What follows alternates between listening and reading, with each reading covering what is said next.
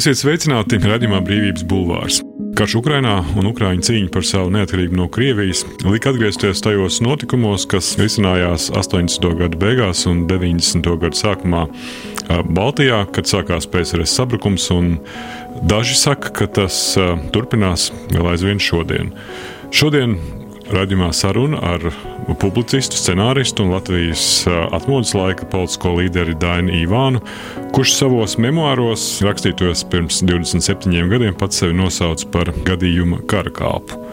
Pārlasot šo grāmatu, šodien mēs varam redzēt ļoti daudz paralēlus, par kurām vērts runāt un kuras der atcerēties. Studijā es Gins Grūbi. Sveiki, Daini! Labvakar!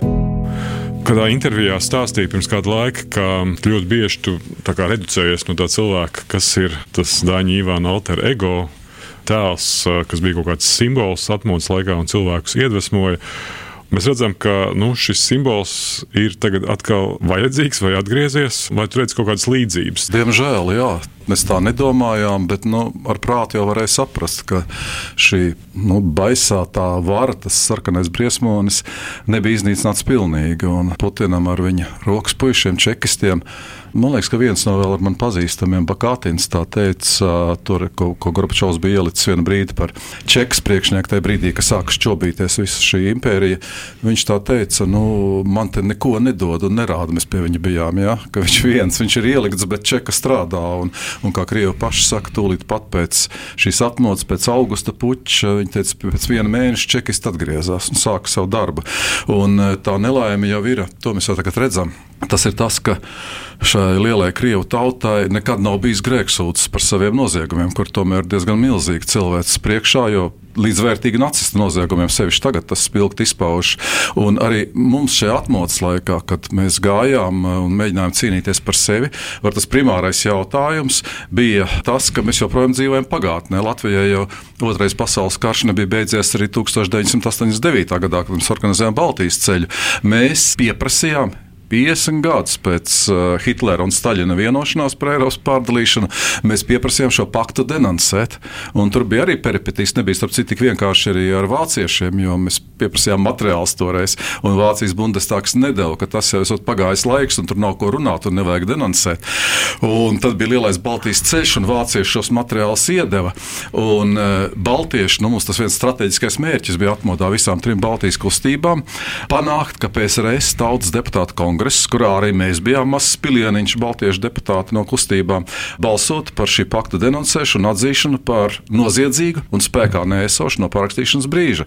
Un tam bija ārkārtīgi liela nozīme, jo faktiski mēs uz tā visu laiku balstījāmies sarunās ar Kremļa vadoņiem, jo tad, kad viņi teica, jūs stājieties pēc mūsu likumiem, nu, kā mēs zinām, mm. arī šodien uh, neviens Kremļa likums nav likums, kas tiek īstenots. Uh, mēs teicām, mums jau nav pēc šiem likumiem jāvadās, jo jūs tikko paši nobalsojat, ka mēs nekad neesam padomājuši Padomju Savienībā bijuši. Sāksim sarunas par to. Un varbūt tā mūsu stūrgalvība, gan mūsu līderu, gan uh, Vītāla Landsberga un Leiša stūrgalvība un Igaunijas stūrgalvība bija tā, kas nu, šo varu pretī apstulbināja. Pie tam, atšķirībā no tagadējā laika, kas notiek Ukrajinā, Ukraiņa atrodas ārpus viņiem, bet mēs atradāmies iekšā. Varbūt tas mūs pasargāja, jo, jo viņi tā kā mēģināja šaut. Viss bija, bija sagatavots, lai šeit izveidotu kaut kādus anklāvus. Es atceros, ka Ždanoka vēl janvāra barikāžu laikā eh, kopā ar tādu alksni, arī, arī Latvijas deputātu slavenu, bēdīgi slavenu, viņi brauca uz Daugopili, mēģināja kūdīt Daugopili, lai Daugopils atdalās no Latvijas. Pie tam Daugopils arī tā padome toreiz bija. Ja? Viņi tad, kad mēs balsojam 4. maijā, pieņēma īpašu lēmumu nu, pēc Maskavas rīkojuma, ka viņi neatzīst Latvijā valdošo varu, respektīvi anklāvs. Nu, tas pats anklāvs, ko Tāds man. Doņetskas tautas republika. Jā, pilnīgi tāda paša, jo to man jau 88. gadā es to esmu minējis gan savā grāmatā, gan vairāk kārtīgi atkārtojis, un tas ir viens skaidrāk. Man iezīmējās, tad, kad ieraudzīja Krimas aneksiju. Lukjanovs saka, tā viņš pēc tam galvenais jurists skaitījās padomju savienībā. Mm. Galvenais, kas čekistiem sastādīja šos priekšstus, kādā veidā kaut ko vajag okupēt vai anektēt vai pievienot. Uh, viņš teica, uh, nu, mēs jums uztaisīsim, ja jūs iesiet prom, tūlīt pat vienu prokremlisku anklāvu. Nu, to formulējumu es neatceros īsti, ja, bet nu, viņš teica, anklāvu uztaisīsim Daugopilī. Tad viņš noliec otru pirkstu. Viņš, viņš bija LPS, tā, viņš PCRS bija augstākās PSRS padomas. augstākās padomas priekšsēdētājs. Nu, ka vēlāk, kā zināms, viņš bija viens no puča vadītājiem pret Gorbačovu. Otru viņš minēja Narvu Igaunijā, arī saprotamiem iemeslu dēļ, un trešo viņš minēja Visagīnas. Turklāt viņu plāns bija, un janvārī tas ļoti spilgti izpaudās, izveidot kopīgu an- anklāvu, tur, kur ir hidroelektrostacija, vienīgā vieta, kur arī bija no Krievijas vairāk cilvēku ievesti Visagīnas rajonā, savienot ar Daugopili un izveidot vienu tādu lielu anklāvu. Par šiem janvāra notikumiem, arī cik bīstam tas viss notika, savos memoāros ir rakstījis bijušais Černobiļas atomelektrostacijas direktors, kurš ir Krievs pēc tautības, jo nu, tur visas tās instrukcijas bija krieviski, un tā bija Krie- Krievijas atomelektrostacija. Viņš piemin to, ka janvāra dienās Kremlis redzēdams, ka Latvija nepakļaujas, Lietuva nepakļaujas, Igaunija nepakļaujas, bet tur bija varbūt nedaudz maigāki apstākļi.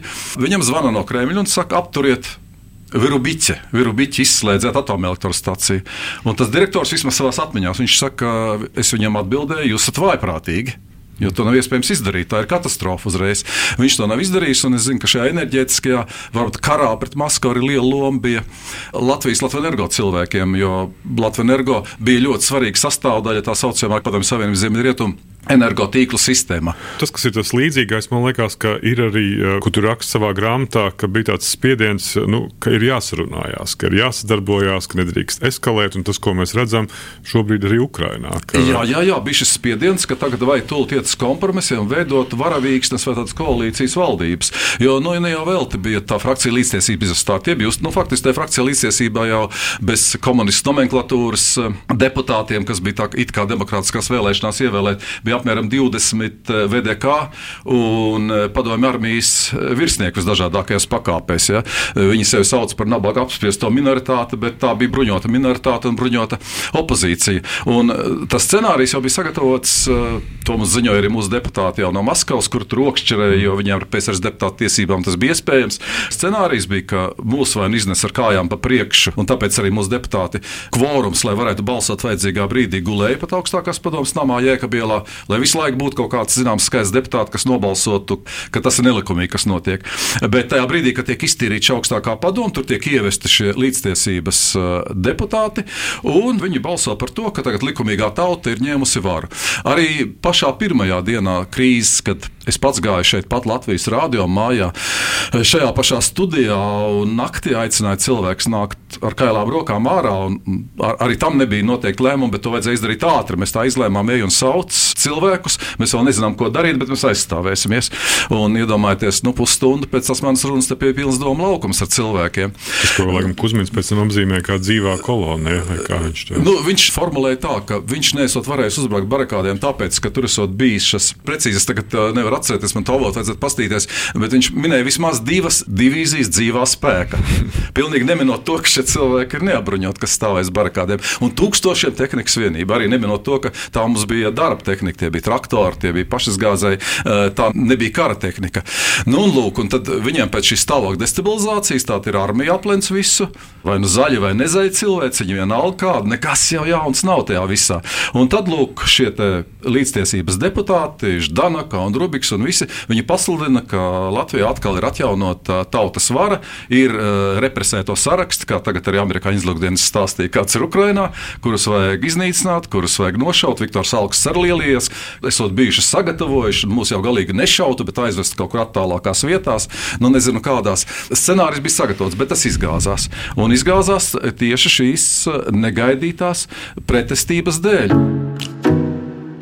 Vēl vairāk, es pat gribu apgalvot, ka vienīgi sabiedriskās pašaizsardzības sistēma, ne NATO un ne pašu kaujas pulki var mūs pasargāt no iespējamas pakļaušanas militāro draudu gadījumā.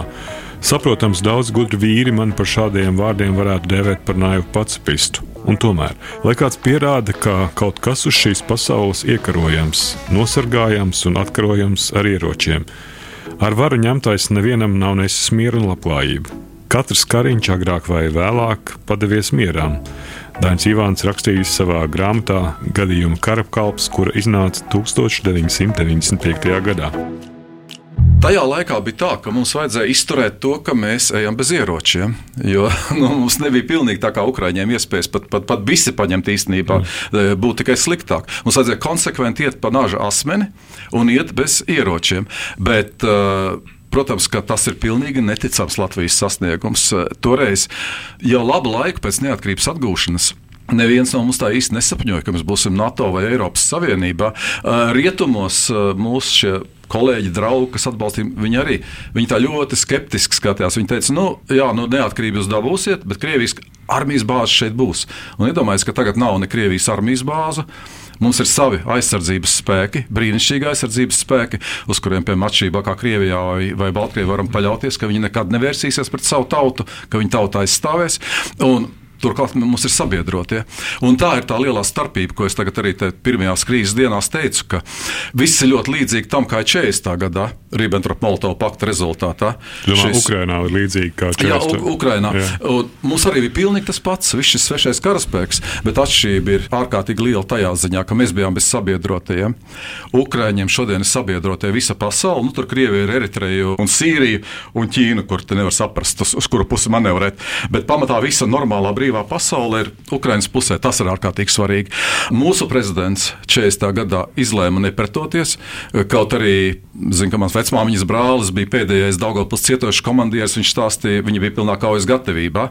Viņš eh, bija gatavs iet, cīnīties, un viņš jau bija izrēķinājis eh, vietu, kur stāties pretī Krievu karaspēkam ar visu savu Daugavpils garnizonu. Un viņš saņēma no Rīgas pavēli, viss noliec ieročus, nepretojies, ko viņš visu mūžu nožēloja. Starp citu, arī viens no virsniekiem, mm, Franks Franks Gordons to min Ulmaņa pēdējā sapulcē, kad valdība sanāca. Tad viens no Latvijas armijas virsniekiem pēc tautības ebrejs Ulmanim uzdeva jautājumu, vai tomēr nevajadzētu pretoties arī tad, ja šeit ir militārās bāzes un ja šis karaspēka pārspēks neapšaubāms. Nu, mūsu prezidents izlēma nepretoties. Varbūt tajā laikā tas bija saprotams, ja bez sabiedrotiem ar milzīgu pārspēku, kaut gan šī nepretošanās, es domāju, mums tāpat kā Čehiem, Čehi par to daudz runājuši, ir tas milzīgs morāla trauma, ko mēs bieži nerunājam, bet par ko vajadzētu runāt, ko mēs esam izjutuši izjutuši gadiem ilgi. Un tāpēc arī mēs, starp citu, arī Baltijas asamblēja, kad veidojām visas trīs Baltijas kustības, mūsu pirmais tosts un vis, vispār mūsu pirmā premisa, kad mēs satikāmies, tas bija laikam krodziņš pie gāzes Tallinā ar Landsbergi, Savisāru, Lauristinu. Mēs pacēlām tostus, lai nekad mēs neatkārtotu 40. gadu, lai mēs pretotos. Un redziet, Ukrāņu prezidents ir pieņēmis šo lēmumu pretoties. Ukrāņiem ir šī armija, armija ir vienkārši apbrīnojami. Ja tie tiešām ir, ir Ukraiņas varoņi. Kaut gan arī atsprat vēl tas, ka Ukraiņi nebija tik noteikti konsekventi tajā laikā, kad mēs cīnījāmies. Tu pieminēji tos kompromisus, ja, ka mums visu laiku spieda, ka tagad nu, tā līdztiesība vēl nav ienākusi augstākā padomē, bet jūs taisiet ar viņiem tādu koalīciju. Mm. Un vienu brīdi arī augstākās padomas priekšsēdētājs, nu, uz viņu ir milzīgs spiediens un draudi. Viņš saka, nu, iesim sarunāties uz apaļo galdu. Es zinu, ka es un vēl tur daži bija kategoriski. Nerunāsim ne ar vienu. Mums ar jums, ar bandītiem, nav ko runāt. Nu, nav tas ir tas, uz ko šobrīd Zelenskis Jā, jā, uz ko mēģina Zelenskis spiest. Un būtībā tā bija pareizi. Es zinu, ka Anatolijas aizgāja uz vienu no šīm sapulcēm kur piedalījās šie paši čekisti un Vislatvijas glābšanas komiteja, un, vis, un viņš vairāk negāja. Viņš vairāk negāja, viņam bija skaidrs.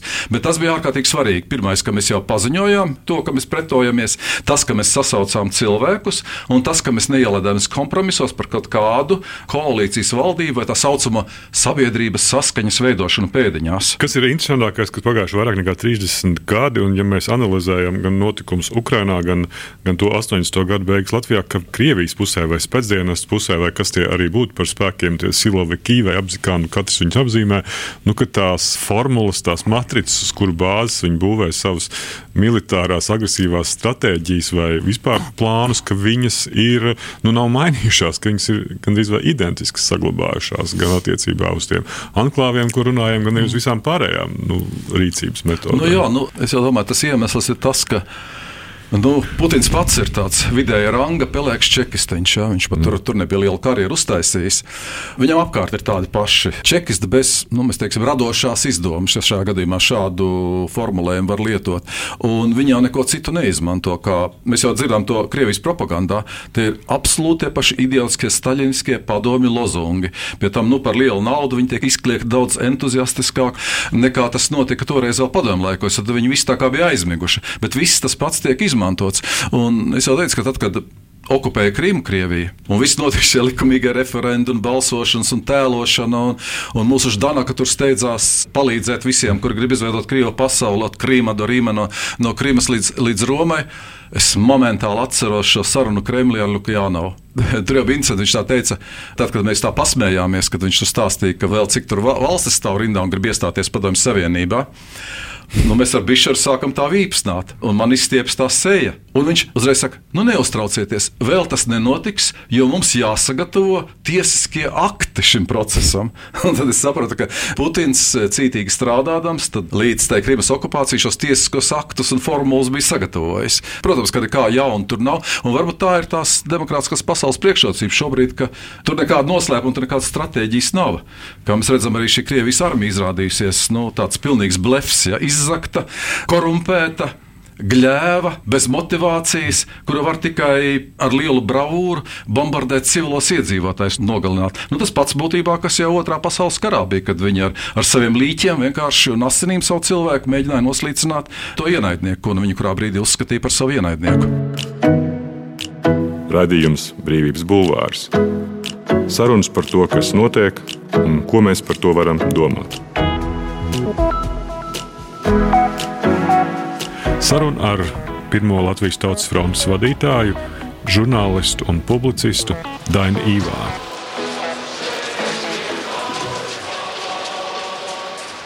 Barikāžu rītā bija runājis Latvijas rādio. Es braucu uz televīziju 9 no rīta, un pēc tam es no Zaķisāles televīzijas torņa redzu, ka tuvojas tankerīgai pa salu tiltu melna, briesmīga kolonna. Un es domāju, cauri. Un tad kādu brīdi ieskatīdamies, saprotam, ka tie nav tanki.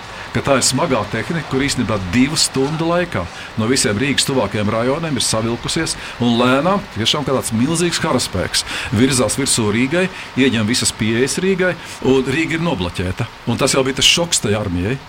Viņi domā, ieies tur, metīs savus desantniekus un blaukšus. Viņi sastopas ar šīm barikādēm pretī. Tas notika bez kaut kādas īpašas organizēšanas. Labi, tur, Tas nozīmē, ka tie pētnieku pārmetumi šobrīd, vai mēs esam gatavi x stundai koordinēties ar reģioniem, patiesībā nav pamatoti, jo mums ir vēsturē pierādījums, ka tas notika bez īpašas organizēšanas. Pilnīgi, jā, pilnīgi. Tā ir arī mācība.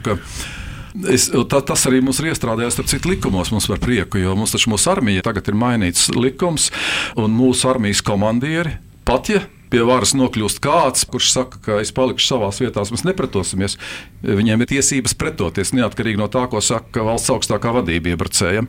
Tas ir jau iestrādājies mūsu asinīs, ka tur nebūs jāsauc un jālūdz, ka cilvēki nāks paši, ka notiks šī pasorganizēšanās. Un tad, protams, ka būs jābūt arī kādam līderim, kas spēs šo tautas gatavību kaut kādā veidā koordinēt. Jo tur jau bargāžu laikā tur bija fantastiski. Tas vispār tā izdoma bija Mēs taču arī neko mēs zinām, ka jāsargājas. Atbrauc mūsu zvejnieki un jūrnieki sāk jau vilkt, ja paziņojot barakāšu štābam, ka viņi velk troses caur, Daugavai. Te bija novilkts troses, lai krievu karakuģi nevar ienākt iekšā. Zaķu salā momentāli cilvēki paši izdomā, viņi ceļ tādas stabas trīsstūrēnas, tos fotografijās var redzēt, lai nevarētu nosēsties krievu desantnieki. E, kāds šoferis es nesen nu, satiku ar barakāšu piemiņas pasākumā no pļaviņām. Viņš saka, nu, pirmais, ko es sapratu, man ir jābrauc. Viņš teica, un man ir mašīna piekrauta ar malku. Viņš teica, es vēl pieliku piekabi ar malku tajā mašīnai klāt. Un viņš teica, un tad es atbraucu uz salu tālu tiltu, es iegriezu mašīnu slīpi, lai ir atstāta mm. eja. Nu, jau, jau saskaņojot ar barikāžu tiem koordinatoriem, var transports plūst uz priekšu, atpakaļ, bet tajā brīdī, kad brauktu tanki, tad es tūlīt pat izgāzu šo malku kravu. Es biju dienējis Krievijas armijā un zināju, ka tanki nepārbrauks pār milzīgu kaudzi pagalēm, ja viņam vienkārši sāk sprūst kāparķēts tur iekšā. Nu, to visu pilnīgi cilvēki izdomāja, un viņi bija gatavi riskēt. Arī asprātība, kas arī Ukrainā tagad ir redzama, ja tādā pilnīgā izmisumā, ka mums te Zaķisalā pats stāvēja cisternas ar virsmas no laukiem cilvēku atveduši. Viņi saka, mums nav ieroči, mums ir tikai sūdi, ko viņam uzliet virsū. Mēs jau tagad skatāmies, nu ir arī mums noteikti, es nešaubos, ka šeit ir šīs diversantu grupas, ka šeit ir tas nav naudošie putinisti, kurus ir attiecīgā brīdī jāiedara. Arī man jau pēc neatkarības atgūšanas ir bijusi saskarsme, ka pie manis pēkšņi ierodas uh, cilvēks, kurus pat īpaši nepazinu. Izvestīja, laikraksts izvestīja, speciāli korespondents Latvijā. Un, uh, nu, to jau vēlāk mēs arī uzzinājām, kad parādījās šie čekas tīkli, ka visi šie speciāli korespondenti arī padomu laikā bija īstenībā čekisti ar biezām pagonām. Un viņš tagad piepieši atbrauc un zinādams, ka es, man ļoti interesē tās dabas lietas un es rakstu. Tas vēl bija Rīgas domas laikā. Viņš tagad saka, nu, ziniet, mums tagad vajadzētu uztaisīt vienu kampaņu pret atomelektrostacijām. Nu, tā kā toreiz par Daugavu. Un es tā brīnos, brīnos, un es painteresējos toreiz pie, kā mēs tagad sakām, kompetentām dienestiem Latvijas. Un tad viņi man pastāstīja, ka šis cilvēks ir speciāli izveidot Krievijai tāda vienība, lai cīnītos pret Baltijas enerģētisko patstāvību. Un tad viņi ar saldiem vārdiem, un es domāju, ka viņi taustās ar dažādiem cilvēkiem, viņi mēģina šos cilvēkus arī apmānīt. Jo pirmais jau ir, ka viņi cer uz cilvēku naivumu, uz, to, uz labticību, jo viņi paši melo, bet viņi zina, ka citi cilvēki tik ļoti nemelo kā viņi, un tāpēc viņi, viņi var domā apmānīt, ievilkt savos tīklos un tad to visu turpināt. Raida Latvijas radio. Mēs vairs neesam savā namā, savās ierastajās telpās, bet turpinām savu darbu un paliekam uzticīgi Latvijas Republikas pašu vēlētajai augstākajai padomēji ir ārkārtīgi liela nozīme. Jo Ukrainā tas, nu, e, ka viņi tur šo stīgu, ja vienā brīdī iznāktu viens tāds, nu, mēs tā sadzīves valodā sakām, memļaks un sāktu pīkstēt, nu, varbūt mēs tūlīt iesim, mēs tūlīt palūksimies tētiņam Putinam.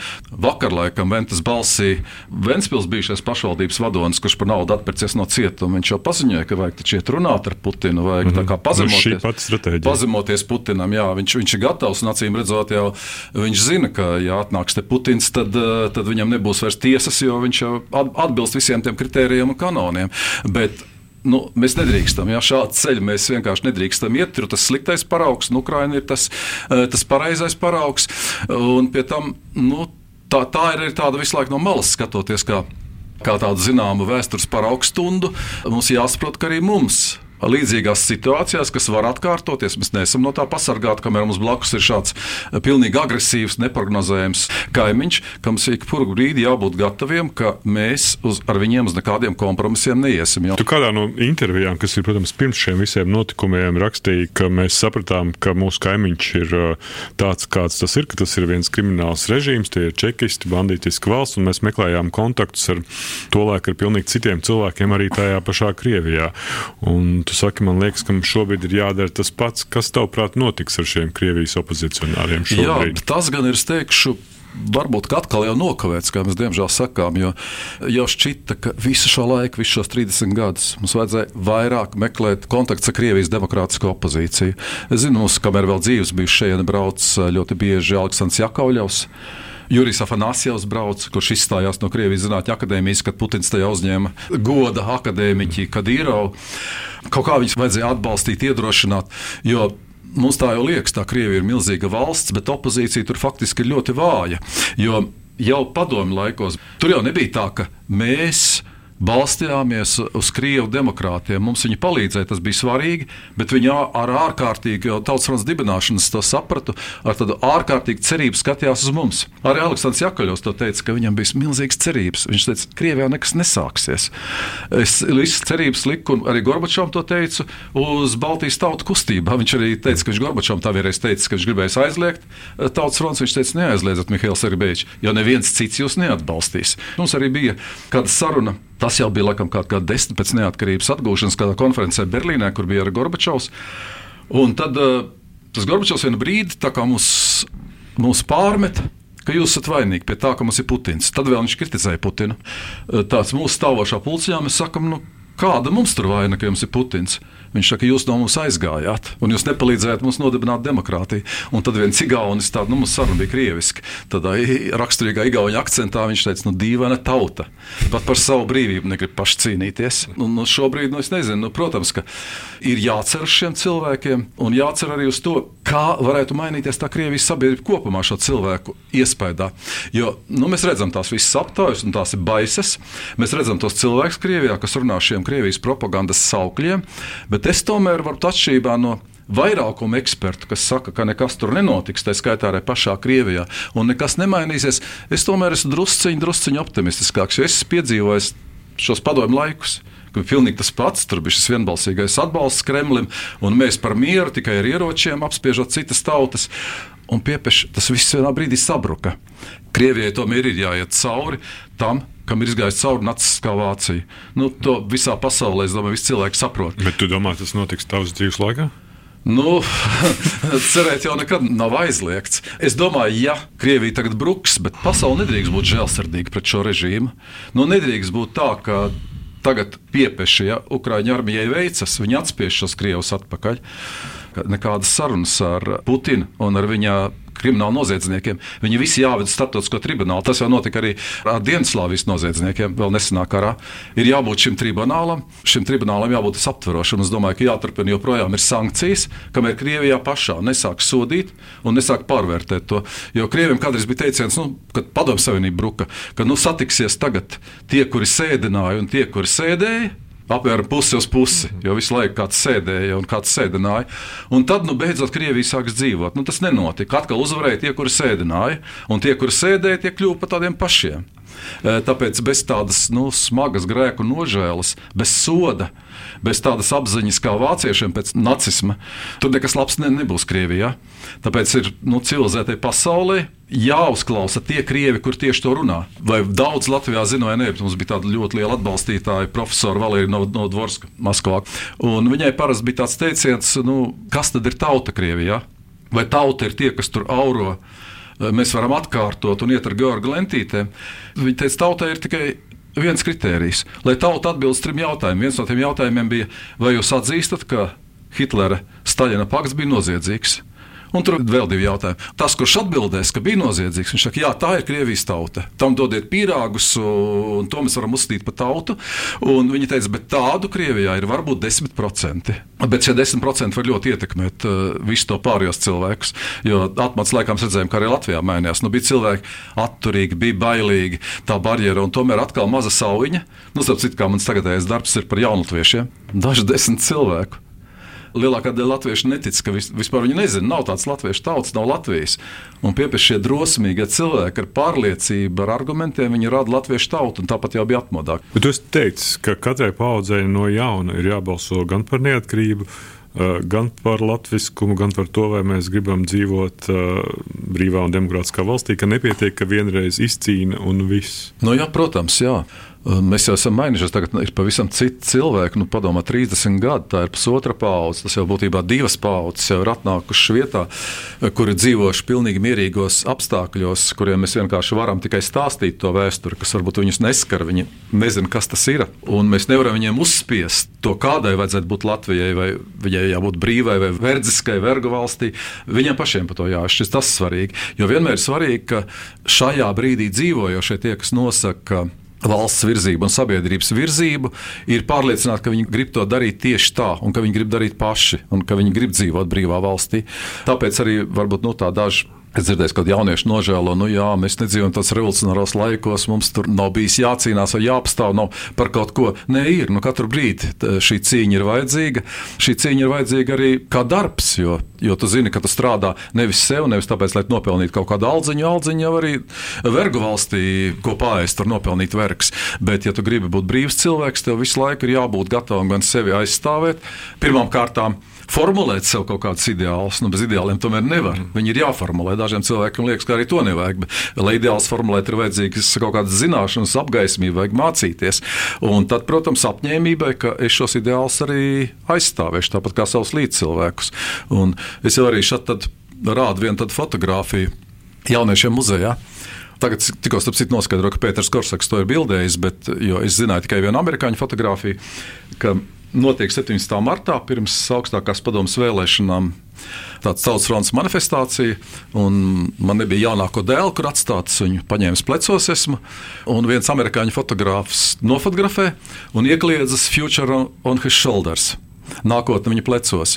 Un kaut kur tā fotografija parādījās ar tādu parakstu. Un tad es saku, jā, nu tas ir, tas ir dziļi simboliski, ka mēs turam nākamo paudzi saviem pleciem, bet arī mēs sēžam kādai paudzei uz pleciem. Paldies! Tas bija Dainis Ivāns un uh, redzējums Brīvības bulvārs. Paldies! Brīvība ir brīvība. Nevienlīdzība vai taisnīgums, vai kultūra vai cilvēks laime. Tā teica Iesai Berlīns. Sarunas ar brīvas apziņas un ideju cilvēkiem - radījumā Brīvības bulvārs.